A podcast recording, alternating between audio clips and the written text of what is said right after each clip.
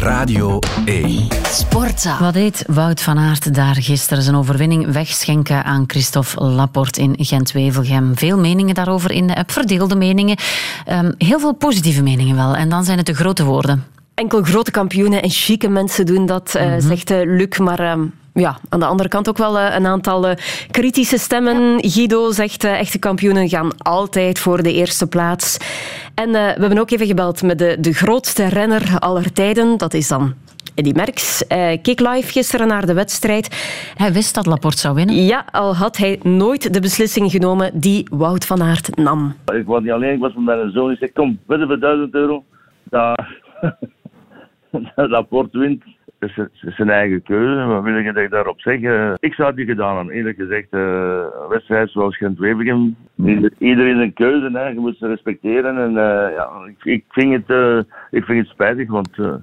Van Aert is toch een andere coureur als Laporte. Hij vindt het spijtig, Eddie Merckx. Wie zijn wij om die grote meneer tegen te spreken, Christophe van de Goor?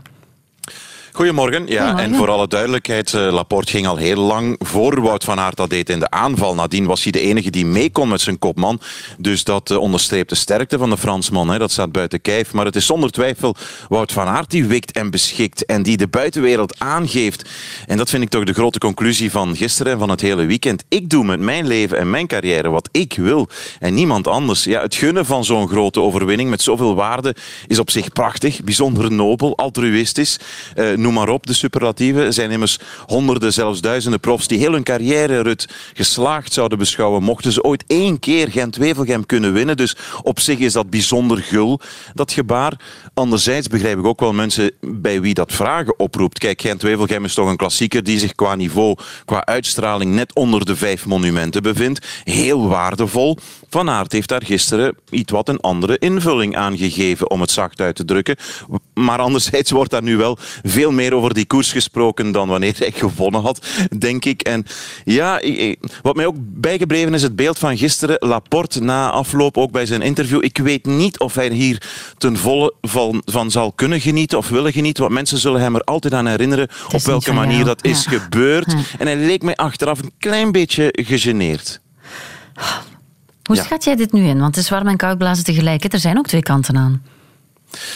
Ja, um, op het eerste gezicht ben je geneigd om te zeggen dat hij uh, de druk maar alleen gaat opvoeren voor zichzelf, Wout mm -hmm. van Aert.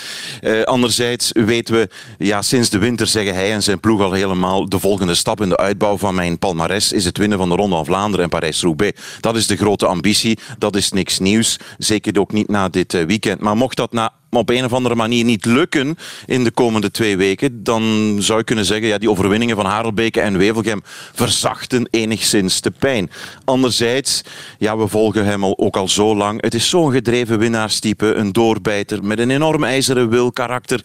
Die gulle gift van gisteren, die verandert niks aan de wijze waarop hij naar Vlaanderen en Roubaix zal toeleven, denk ik. Die druk legt Van Aert zichzelf sowieso op. Sterker nog, we hebben gezien vrijdag, uh, hij haalt daar energie uit, hè, omdat Tom Boon iets had gezegd waar niks mis mee is, lijkt mij. Gedreven door dat scherpe kantje van zijn karakter, zoals Van Aert het vrijdag in onze Sportza-studio zelf zei, haalt hij daar energie uit.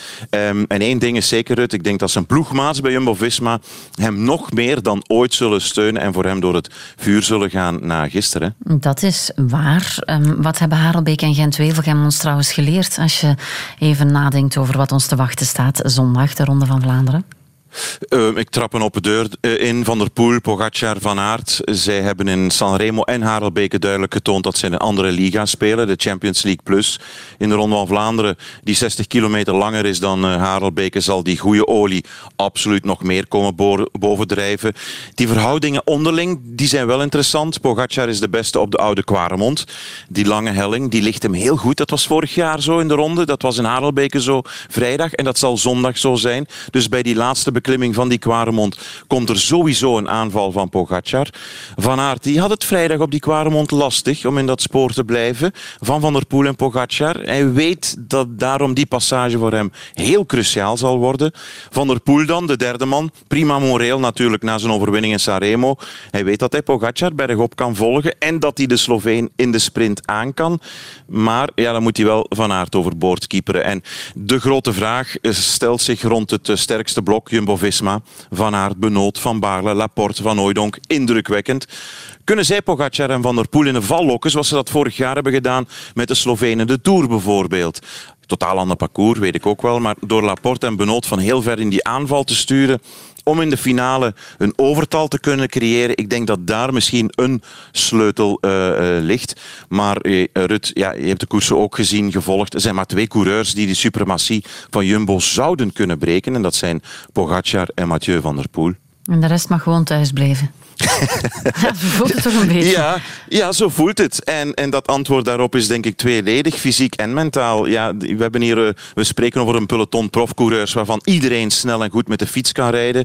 Um, Iedereen weet dat er drie collega's zijn die quasi onaantastbaar zijn, die met de concurrentie kunnen spelen wanneer zij dat willen en bepalen. Dat is de fysieke verhouding momenteel tussen Van Aert, Van der Poel, Pogacar en de rest. En dan komt dat mentale daar nog eens bovenop bij de tegenstand. Iedereen in het peloton weet van zichzelf waar zijn plaats is, hoe die verhouding is, wat hij kan, wat hij niet kan. Hoe in hemelsnaam dat toptrio zondag verslaan? Dat is de grote vraag. Dus je begint eigenlijk al met die psychologische achterstand.